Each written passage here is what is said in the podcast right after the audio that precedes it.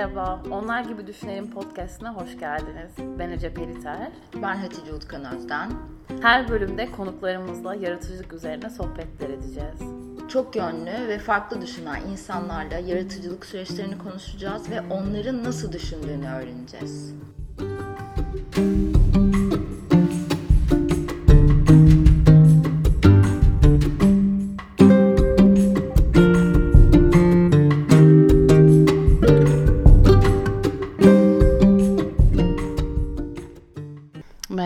Hoş geldiniz tekrardan bizimle beraber olduğunuz için.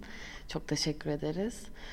Bu geçirdiğimiz 2020'nin başından beri geçirdiğimiz şu dönemlerde, zor dönemlerde umarım siz de bizden ilham alıyorsunuzdur. Dinleri konuklarımızla beraber ve konuştuğumuz konularla ilgili. Bugün karşımda Melis var. Hoş geldin Melis. Merhabalar, hoş bulduk. Nasılsın? İyiyim. Sen nasılsın Ece? Ben de iyiyim. Nasıl geçiyor senin için bu dönemler? Korona gündemi. ben zaten karantinada yaşadığımı düşünüyorum. Çünkü şey böyle evim ve atölyemi birleştirdim ve zaten oradan çıkmıyorum. Dolayısıyla çok etkilenmiyorum. Dün bir şey paylaştım şey diye. Hani böyle dünya yanıyor ve ben köpek videolarına bakıyorum. Gerçekten şu an öyle geçiriyorum bu dönemi. Galiba hepimiz için aynı şey geçerli. Ama yapacak bir şey yok işte. Hayat Yok. devam ediyor Evet. ve biz de e, endişemizi bir kenara bırakıp artık bir şekilde e, savaşmaya ya da hayatta kalmaya devam, Devam edeceğiz. edeceğiz. E, o zaman gel bir seninle ilgili konuşalım. Bilmeyenler için mesela bir bahsedebilirsen nasıl başladın e, sanata, nasıl gelişti senin için? En başından da başlayabilirsin. En başından uzun uzun. Uzun uzun neler yaptın, nasıl başladın, nasıl keşfettin mesela sanata ilgin olduğunu? Ya bu soruyla ilgili hep şöyle düşünüyorum. Aslında bir klasik hikaye vardır ya çocukken e, hep işte sanata merak duyan ve işte bir şeyler üretmeye ve yaratıcı dünyasında zaman geçiren bir çocuktum gibi. Aslında aynı şeyi kendimle ilgili geçmişe döndüğümde ve bu hikayeyi düşünmek istediğim zaman kendimle ilgili de bunu görüyorum. Yani işte çocukken ben de bir şeyler üretmeye çalışan, bu hayal dünyasının içinde yaşayan, kenarda bir şeyler çizen, eden bir çocuktum. E, ve bu böyle de devam etti aslında. E, bizde de tabii bir hani eğitim sistemi, e, işte üniversiteye hazırlanıyorsun ama işte sen yine de böyle bir sözel ve sayısal bir sınava tabi tutuluyorsun vesaire gibi bir sistem olduğu için de e, böyle hani ara ara şeylerimden, hedefimden sapıyor gibi olsam da yine en sonunda güzel sanatlara hazırlandım. E, ve seramik bölümünü kazandım.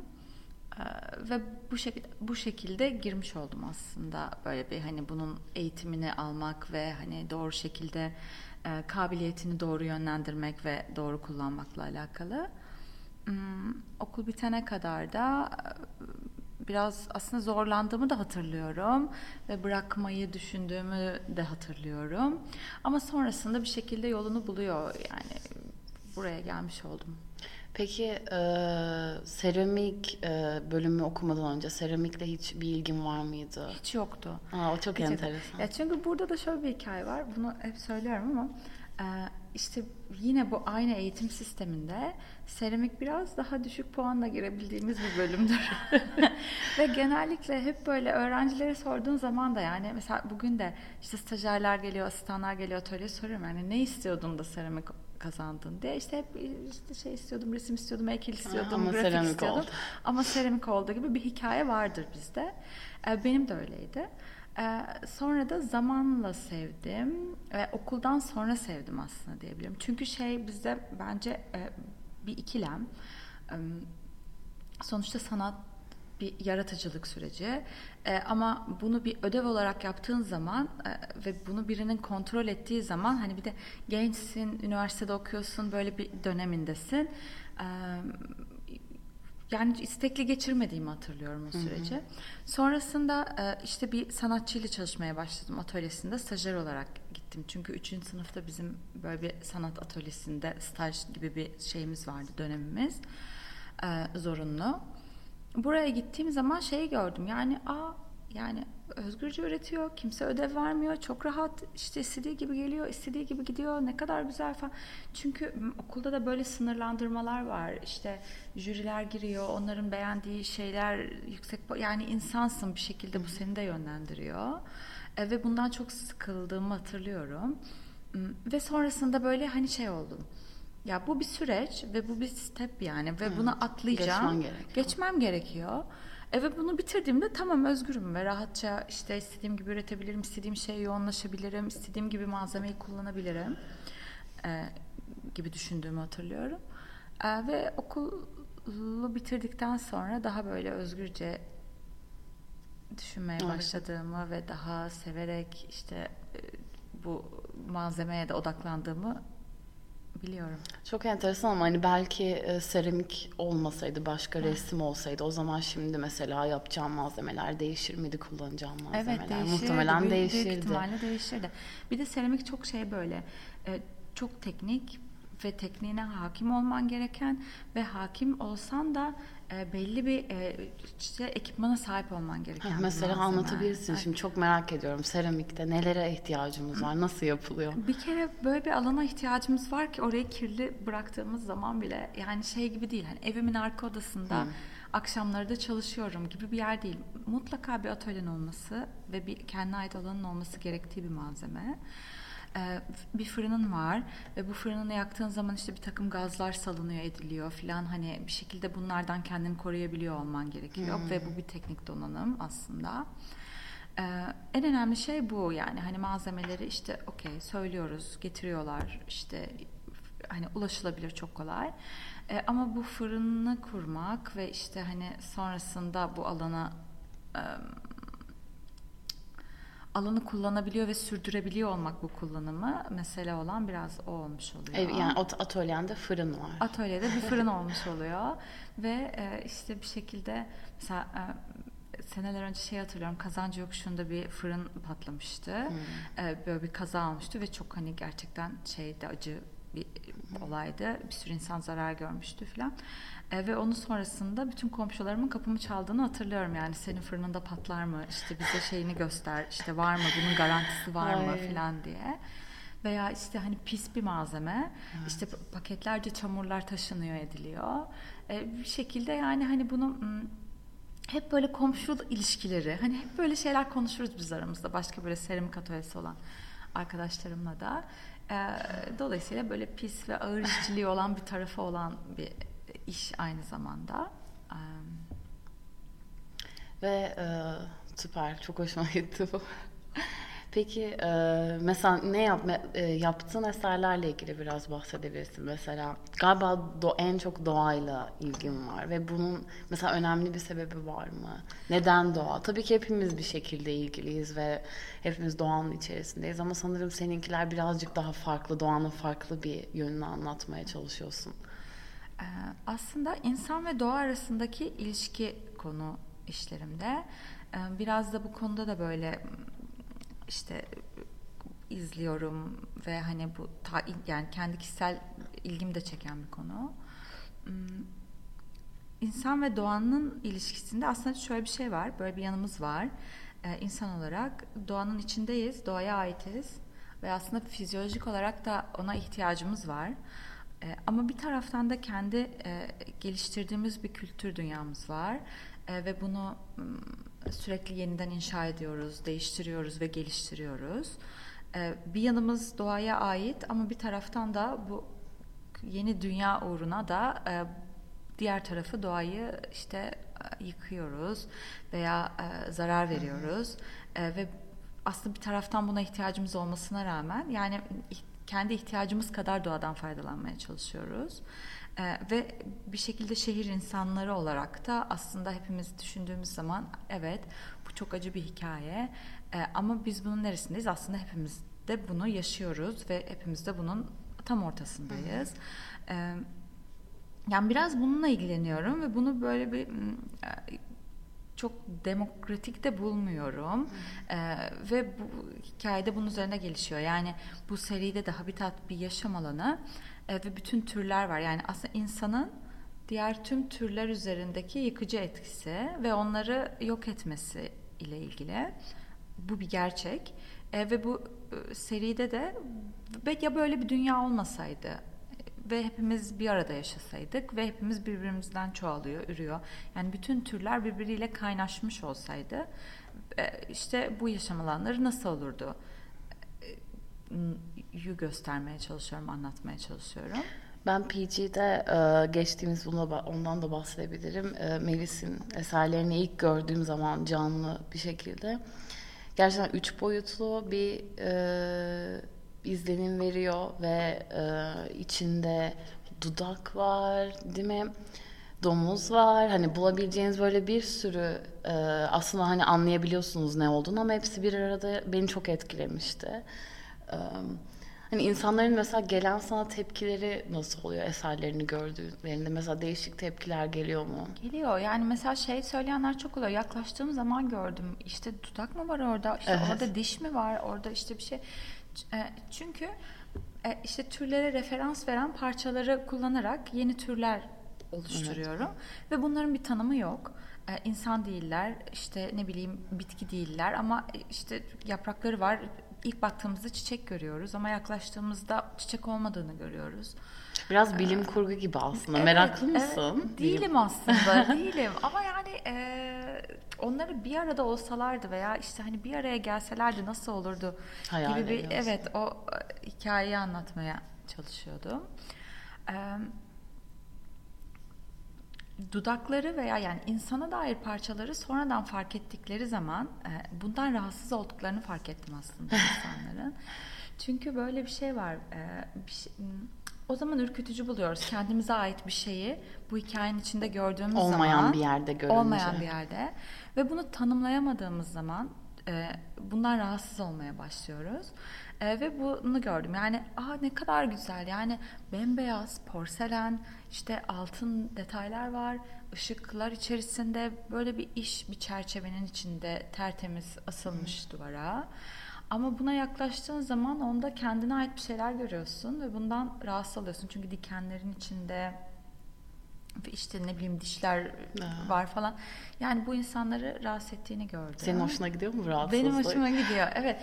Yani aslında şeyde de var bu. Yani amacımın da amacımın Amacın, da evet. evet biraz da bu.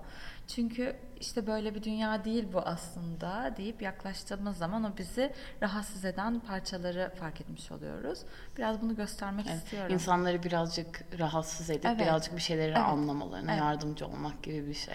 Evet, çünkü o korkutucu unsurlarla bir de böyle çok hani tırnak içinde hani güzel ve işte hani süslemeye yönelik bazı şeyler vardır ve bunlar çok sıkça var benim işlerimde. Ee, sanki onların birbirini etkisini kırdığını ve daha yumuşak bir şekilde e, karşıya geçirdiğini düşünüyorum ve öyle vermeye çalışıyorum. Ben bayılıyorum şahane. Bir de sen aynı zamanda seramik öğretmenliği de yapıyorsun. Evet. O, o da yani nasıl ya bunu hani mesela evet sanat yapıyorsun öyle de kalabilirdin. Neden öğretmek istiyorsun? İçinde var mı bir öğretme Evet. duygusu? Ee, Atölyemi aslında bayağı bir 8 senedir falan açıyorum dışarı ve bir şekilde insanlarla bildiklerimi paylaşıyorum. Ve onların yapmak istediği şeylere yardımcı olmaya çalışıyorum. Hem teknik olarak hem de e, fikir olarak da bir danışmanlık veriyorum aslında. Ee, Şöyle as hikayenin başına dönecek olursak bir atölye açtım e, Suadiye'de. E, Kendim çalışıyorum ama bir taraftan da bir şeyler daha yapmam gerekiyor o atölyenin de devam etmesi için ve benim kendi işlerimi sürdürebilmem için. E, ve böyle bir fikir olarak başladı. Ders versem hani işte eğitim versem gibi. Ama hala devam ediyorum çünkü o iletişimi çok sevdim. Ben biraz da hmm, kendi açımdan da bakacak olursam hikayeye asosyalim Ee, ve dışarıda kapalı yaşadığım için o kadar iyi geliyor ki bana bu dersler. Yani hani sadece İletişim, onların insanlar. aldığı ve onlara öğrettiğim bir şeyden ziyade benim için de bir iletişim olmuş oluyor. Ee, ve ben de çok doymuş olarak bitiriyorum dersi. Şeyden de çok hoşlanıyorum. İnsanların yapmak istediği şeyleri e, yapabildiklerini onlara göstermek. Çünkü e, geliyorlar ve diyorlar ki ben bunu yapabilir miyim? Ben bunu asla yapamam gibi. E, şimdi bu bir fikir oluşturmak veya bir e, bir fikri ifade etmek bazında söylemiyorum bunu ama teknik olarak bir şeyi ortaya koymak sonuçta öğrenilebilir bir şey.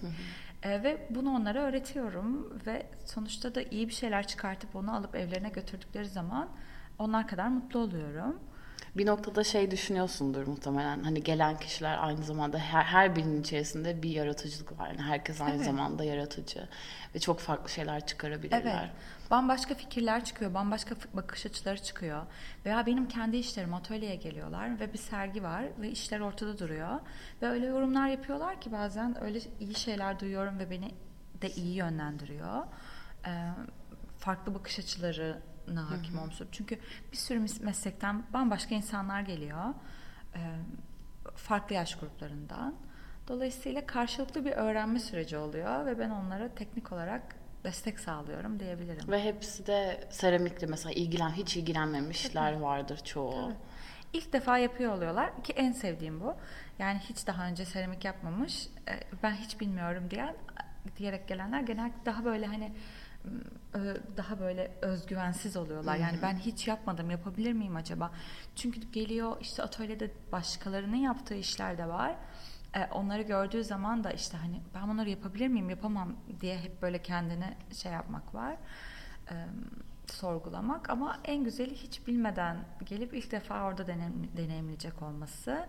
E, çünkü bir bilgiyi değiştirme gereği duymuyorum veya kendi çünkü bizde şey var.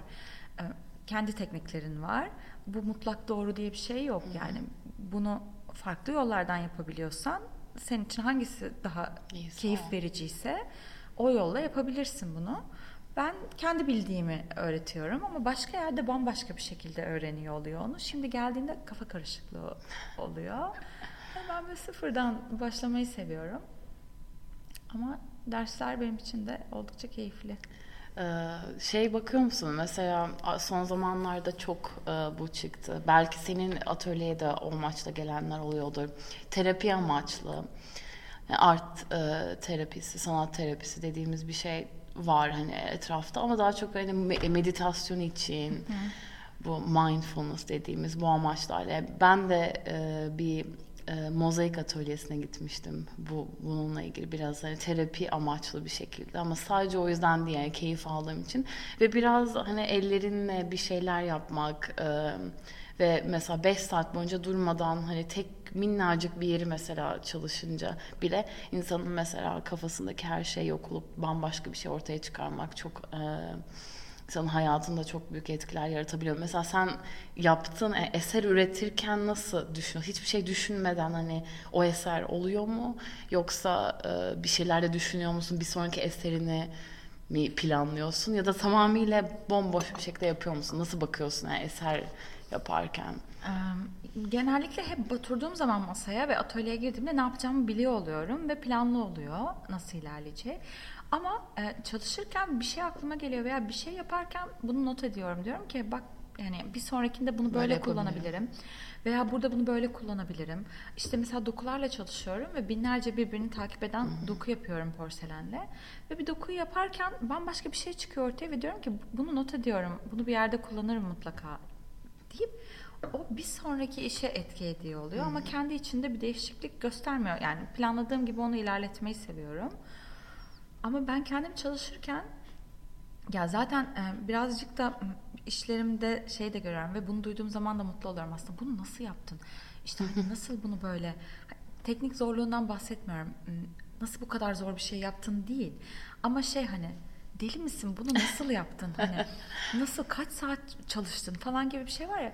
Ben e, işte bir böyle mutlu olduğum ve çünkü o benim böyle bir çok zevk aldığım e, ve o keyfi yansıttığım bir iş aslında. Çünkü saatler sürüyor ve tam olarak meditasyon gibi. Evet incecik böyle evet. detaylar Evet. minik minik yavaş minik. yavaş böyle sakin işte atölyem tertemiz olacak, güzel müzik çalacak, her yer sessiz olacak. Ben o işi koyacağım böyle saatlerce meditasyon gibi çalışıyor olacağım. Ve sonra bakacağım ki aa saat kaç olmuş diyeceğim. E, veya e, işte hani bir şekilde hava kararacak falan hani bunu görüyor olacağım. Ve bunun izleyiciye geçmesini bir şekilde seviyorum yani hani bir obsesif bir durum var burada E, ve bunun e, izleyici tarafından fark edilmesi de yani dipnot olarak hoşuma gidiyor. hoşuma gidiyor. Nasıl geçiyor günün? Mesela sabah kalkıp hemen yapmaya başlıyor musun? Eser yapmaya musun? Belli bir saatleri mi var yoksa hani kendi ayarladığın planlı mı yoksa tamamen plansız mı ilerliyorsun? Çok planlıyım ve çok disiplinliyim bu konuda. Önceden e, şimdiye kadar işte Suadiye'de oturuyordum. Atölyem e, Suadiye'deydi. Bir yürüme mesafesindeydi. Sabahları memur gibi evimden çıkardım. Her sabah aynı saatte uyanırdım. Köpeğimi alırdım. Köpeğimle atölyeme giderdim. Akşam işte işim bitene kadar çalışırdım. Ve en erken 6.30-7 gibi atölyeden çıkar evime yürür. Giderdim. Böyle bir sistemim vardı. Şimdi evim ve atölyemi birleştirdim. Beykoz'a taşındım. Alt kata atölyem yaptım. Üst tarafta yaşıyorum. 8 sekiz buçuk gibi uyanıyorum. İşte hemen atölye kıyafetlerimi giyip koşa koşa aşağı Aa, hemen iniyorum. aşağı iniyorsun, Hemen aşağı şey. iniyorum. Evet. Yüzümü yıkıyorum ve aşağı iniyorum. Aa, çok işte bir kahve alıyorum. Ve bire kadar öğlen ara vermeden çalışıyorum. İşte o gün ne yapılacaksa zaten işte bir defterim var. Ertesi gün ne yapacağım orada yazıyor. İşte bunlar yapılacak. Bunu ara. Şuradan sipariş ver falan. Böyle her şey not edilmiş bir şekilde. Oraya bakarak ilerleyip işte yapmam gereken işleri yapıyorum. Bire kadar. Bir de bir şeyler yiyip sonra tekrar yine atölyede oluyorum. E, ve böyle 6-6.30'a kadar çalışıyorum. Bu ara e, şey yaptım azalttım çalışmayı. Normalde daha da geç saatlere kadar çalışıyordum. Hatta bir şey yetiştirmem veya sergiye yetişmem gereken zamanlarda 3'e 4'e kadar gece de Gece. sürüyordu bu. Ee, ama o zaman e, böyle artık e, çok yorulduğumu fark ettim ve hiç başka bir hayatımın kalmadığını ve dinlenmeye ne kadar ihtiyacım olduğunu fark ediyordum ve böyle yerde yatan bir kedi bile gördüğüm zaman çok kıskanıyordum. yerde kendi köpeğim böyle tor yerde yatıyor ve ona bakıp onu kıskanıyordum. Hani keşke senin yerinde Senin olsam diye. Yatabilsem. Keşke yatabilsem böyle diye. Ee, şimdi akşam 6-7'ye kadar aynı tempoda çalışıyorum ve sonra işte televizyon izliyorum. Biraz işte dediğim gibi asosyalim. Evden çıkacağım zaman veya yarın evden çıkacağımı biliyorsam bugünden stres olmaya başlıyorum. Yarın evden çıkmam gerekiyor. Kahretsin falan diye. Dün gece stresliydin o zaman. Dün gece Dün gece biraz stresliydim. Ee, böyle veya dışarıdayken sürekli şey yapıyorum. E, İşle ilgili bir şey değilse bu arada. İşle ilgili şeylerde mutluyum. Çok onu problem etmiyorum. İşle ilgili bir durum değilse de sosyal kaynaşmaysa veya bir şey yapmam gerekiyorsa bir yere gitmem işte bir doğum günü bir şey. Böyle sürekli eve döneceğim anı düşünüyorum. Eve döndüğümde oturacağım koltuğu düşünüyorum. Böyle bir e, şeyim var. Dolayısıyla o atölyedeki hani o çalışma temposuna çok uygun bir, Bir hayatın evet var. ve hayatım var. Burada şeyi kırmış da olabiliriz aslında. Belki e, bilmeyenler için e, sanatçıların nasıl bir hayatları olduğunu kafalarında hayal ettiklerinde belki şöyle bir şey hayal ediyorlardır işte. Elinde şarabı, sigara Evet. içiyor. Ne zaman ne Evet. yapacağı belli değil işte. Şimdi çalışıyorum ama böyle bir daha çalışmıyor. Üç gün çalışmıyor. Sonra bir anda ilham geliyor çalışıyor. Ama aslında öyle bir şey yok aslında. Mesela sanatta bir disiplin olması. Sende çok işe yarıyor. Tabii herkes öyle değildir eminim. Senin- Birçok arkadaşımla konuşuyorum mesela. E, Onlarda da aynı şekilde yani hep bir böyle şey var. Uyanma ve uyuma saatlerimiz değişiyor ama hani o işe ayırdığımız zaman değişmiyor aşağı yukarı Her yani. gün belli E, saatler. Evet işte ne bileyim bir arkadaşımla konuşuyorum. Öğlen 1'de uyanıyor. Atıyorum 2'de başlıyor çalışmaya ama işte 4'e 5'e kadar çalışıyor gece işte falan. Ama yine de bir, bir şeyin başında mesai harcaman gerekiyor ya e, özellikle böyle emek yoğunluğu olan işler yaptığın zaman. Olmadığı zaman da düşünsel boyutta bu sefer yine aynı mesai harcamamız gerekiyor. Dolayısıyla hani öyle partiliyorum falan. Hani Sonra aklıma bir şey geliyor, ilham geliyor, yapıyorum Kendime olmuyor. gelemiyorum. Veya böyle bazen bir şey birazcık kaçırdığımda gece yatıyorum ve böyle 3'te 4'te zınk diye uyanıyorum. Diyorum ki ne yaptım ben şimdi sabahleyin çalışamayacağım. Kalkayım birazcık su içeyim.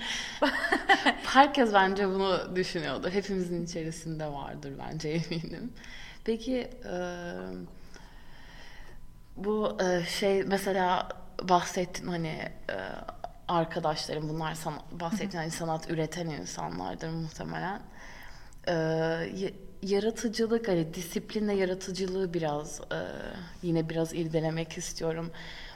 Yani şöyle bir e, öğüt verebilir miyiz ya da öğüt demeyeyim de yaratıcılık için e,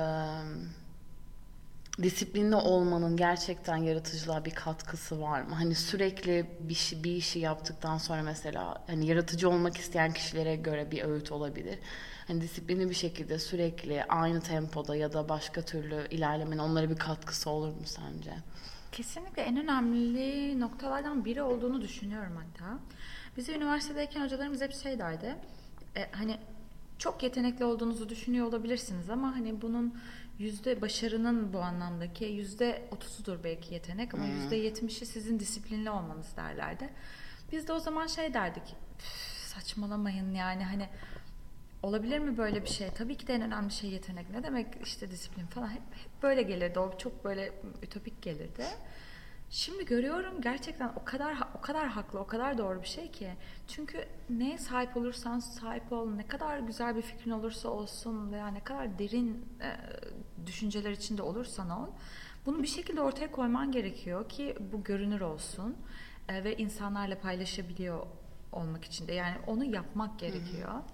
E, ve bir şey yaptığın zaman da yılmadan işte istediğin şeye uğram başarıya neyse o artık olmadığını düşündüğün zaman yılmadan yapmaya devam etmek gerekiyor. Biraz da anahtar bu bence. Yani ben yaptım, olmadı.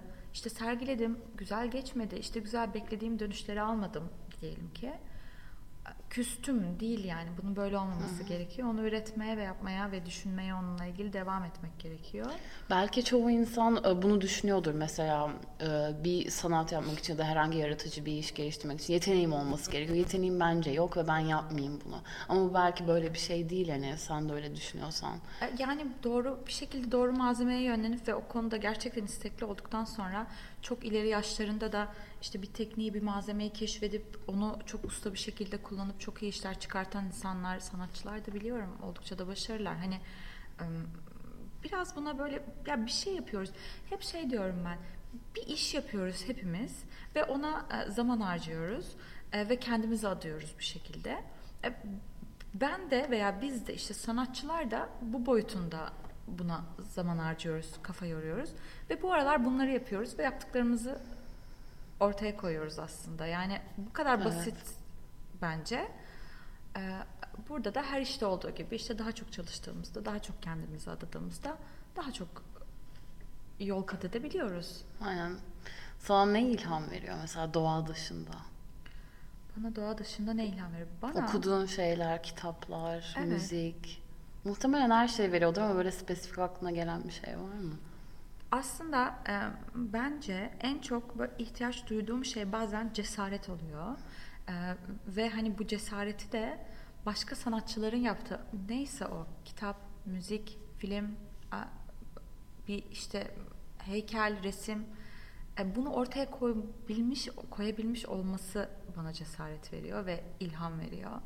Yani böyle kendimi daha şey kayıp hissettiğimde, daha böyle çökmüş hissettiğimde bir şey üretmekle ilgili hiçbir şey bulamıyorum, işte bir şey düşünemiyorum bu ara, işte bir şey çıkmıyor gibi düşündüğümde yeni şeyler yapmaya yönlendiğimde, sergiler gezdiğimde veya yeni şeyler izleyip bir şeyler okuduğumda e, öteki sanatçının yani karşımdaki sanatçının bunu yaptığı işi ortaya koymasındaki o cesareti ve heyecanı bana en çok ilham bu veriyor. Yani yapabilirim neden yapmayayım işte yani yapmış işte ben de yapmalıyım ben de bunu çıkarmalıyım diye e, cesaret buluyorum. Dolayısıyla en çok ne olduğu fark etmez ama hani bir odak noktam yok burada. Ama başka sanatçıların cesaretle ortaya koydukları her şey bana da ilham veriyor. Aslında sen de kendin için öyle düşünüyor musun? Evet. Çünkü e, bayağı bir şey başardın. Şu an iki tane galeri tarafından temsil ediliyorsun önümüzde New York'a gidiyorsun. Aslında bayağı bir şey başarıyorsun ve hani içinde o cesaret eminim vardır ya da tabii cesaretsiz hissettiğin zamanlar da oluyordur. Oluyor. Başarılarından cesaret alıyor musun? Ben sürece kendimi kaptırıyorum ve böyle monoton bir şekilde gidiyorum şu an. Şu anda da aynı şekilde hissediyorum kendimi. Yani bu Kaptırdın bir, gidiyorsun artık nereye? gidiyorum şu anda. Ee, işte bir buçuk senedir biraz yoğun bir sergi programı olmuş oldu. Ee, işte bu Dubai ve New York sergilerini yapacak oldum. Arada PG'deki sergim olmuş oldu. E, dolayısıyla bunların hepsi buralara iş yetiştirmem e, demek oldu. E, böyle çok monoton bir şekilde çalışıyorum ve hani şey gibiyim karamsarlığa uğrayacak e, vaktim yok. E, düşmemem lazım Aynen, hiçbir şekilde. yapıyorum. Evet evet yani hiçbir hep sürekli bir sonraki aşamaya geçmem gerekiyor. Yeni şeyler şeyler biriktiriyorum, düşünüyorum, yazıyorum, ediyorum. Ama diyorum ki şu an değil zamanı yani hani bu geçsin, bu yoğunluk geçsin. Daha sakin bir zamanda daha güzel ortaya çıkartacağım bunları. Dolayısıyla bu süreci böyle e, kazasız ve doğru bir şekilde atlatmaya çalışıyorum. Ben senin şeyini duymuştum. O beni çok etkiledi. Ee, Leyla, Leyla Hello Galeri'nin nasıl keşfettiğini seni. Mesela çok güzel bir hikaye. Biraz böyle küçücük açabilirsin Evet. burada. Çünkü mesela insanlar hani merak ediyordur e, eminim. Evet e, eser yapıyorsun bir tane galeri seni temsil ediyor ama bazen şöyle oluyor başka insanlar seni nasıl keşfediyor? Bu işler mesela herkes merak edebilir. Ben çok merak etmiştim. Bunu öğrenince çok hoşuma gitti. Evet. Ben de hep böyle şey düşünüyordum. Yurt dışıyla e, yani mutluyum. Şu an bir e, şeyim var. Burada bir sistemim var ve işte projelerim var. Bunlara odaklanıyorum ve yurt dışı ile ilgili bir, şey düşünmüyordum. Böyle bir planım yoktu yani. Geçtiğimiz sene Contemporary İstanbul'da bir işim satılıyor ve o, işi alan koleksiyonerin evinde Leyla konuk olarak gittiğinde o işi görüyor. Ve sonra daha önce de koleksiyonerim zaten ona göndermiş fotoğraflarını ama bir şekilde fotoğraflardan anlayamamış ve hani e, o yakından gör, hisset, gördüğünde hissettiği gibi hissetmemiş e, anlattığı kadarıyla bana da. E, ve sonrasında e, şey yapıyorlar. Aa hani çok güzel bir şekilde bu sanatçıyla iletişim kuralım. E, ve e, çünkü Türkiye'den bir sanatçıyla çalışmak istiyorlar. E, iletişim kuralım diyorlar. Ama tam böyle Bienal zamanı Contemporary İstanbul bu sene hepsi paraleldi zaten. Bir etkinlik var akşam ve ben o etkinlikteyim ve çıkmak üzereyim böyle Eve gitsem diye Eve gitsem diye düşünüyorum yine.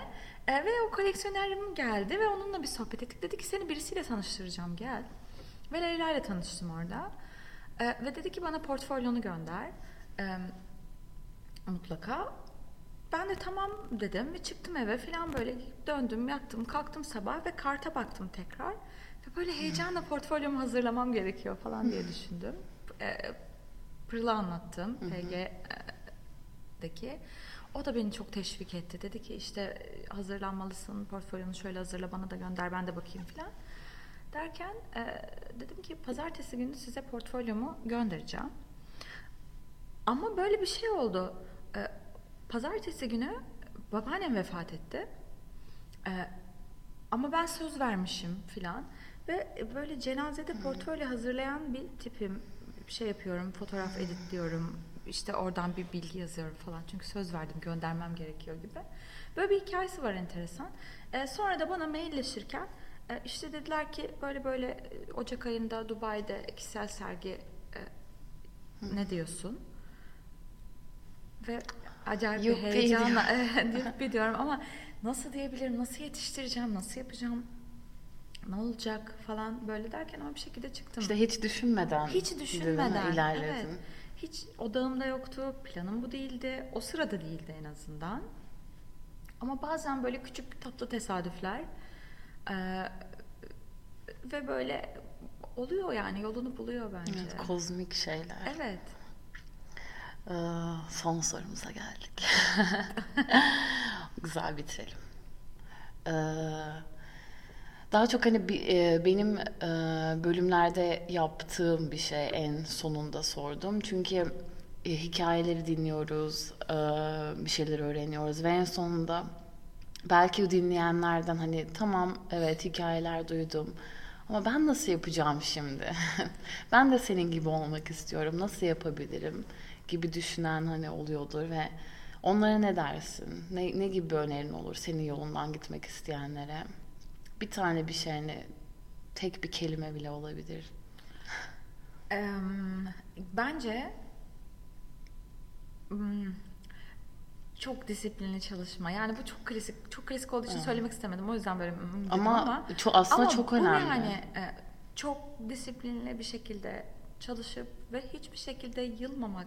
Hani bu ne olursa olsun konu neyse artık uzmanlaşılmak istenilen şey hep aynı şey söylenir bütün röportajlarda. Disiplinli ve çalıştım, işte yılmadım falan. E, ama bu gerçekten özü. Hani kendimde baktığım zaman bunu görüyorum. E, yılmadan ve kendinden şüphe ettiğin yerlerde düşmeden o karamsarlığa ve o kendini hani bırakmadan e, heyecanla yaptığın işi yapmayı sürdürmeye devam etmek ve bir şeye inanıyorsan eğer e, kimsenin doğru demesi veya hani tabii ki de belli şeyler tarafından onay almak gerekiyor. Ama onun haricinde böyle çok da sormadan ve duymadan, dinlemeden kendi yolunda devam edip doğruyu bulana kadar da disiplinle çalışmak bence. Şahane. O zaman yılmıyoruz. Evet. Disiplinli çalışıyoruz Çok ve klişe. çok da etkilenmiyoruz yaşadığımız şeylerden ve böyle hayatımıza devam ediyoruz. O zaman bizi dinlediğiniz için teşekkürler. Görüşmek üzere. Teşekkürler. Çok teşekkürler.